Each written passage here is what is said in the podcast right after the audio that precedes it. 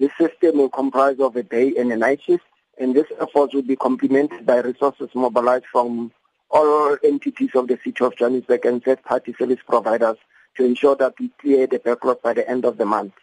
And then all our workers have commenced their normal uh, scheduled waste management services, which includes the refuse collection, street cleaning, and so on. We therefore appeal to residents and business owners to continue to leave their bins and excess waste outside their normal collection day as the recovery plans are in place to collect within 48 hours.